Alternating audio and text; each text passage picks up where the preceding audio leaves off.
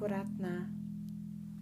Di sini aku yakin teman-teman semua punya rasa, punya beban, punya masalah, dan punya semangat yang berbeda.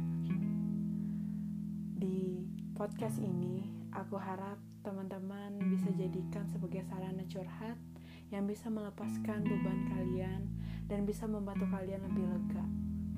Aku akan visualisasikan cerita kalian aku akan tampilkan di podcast-podcast yang aku punya. Semoga ini bisa membantu dan ke depannya kita akan menjadi lebih baik lagi sebagai pemilik rasa. Terima kasih.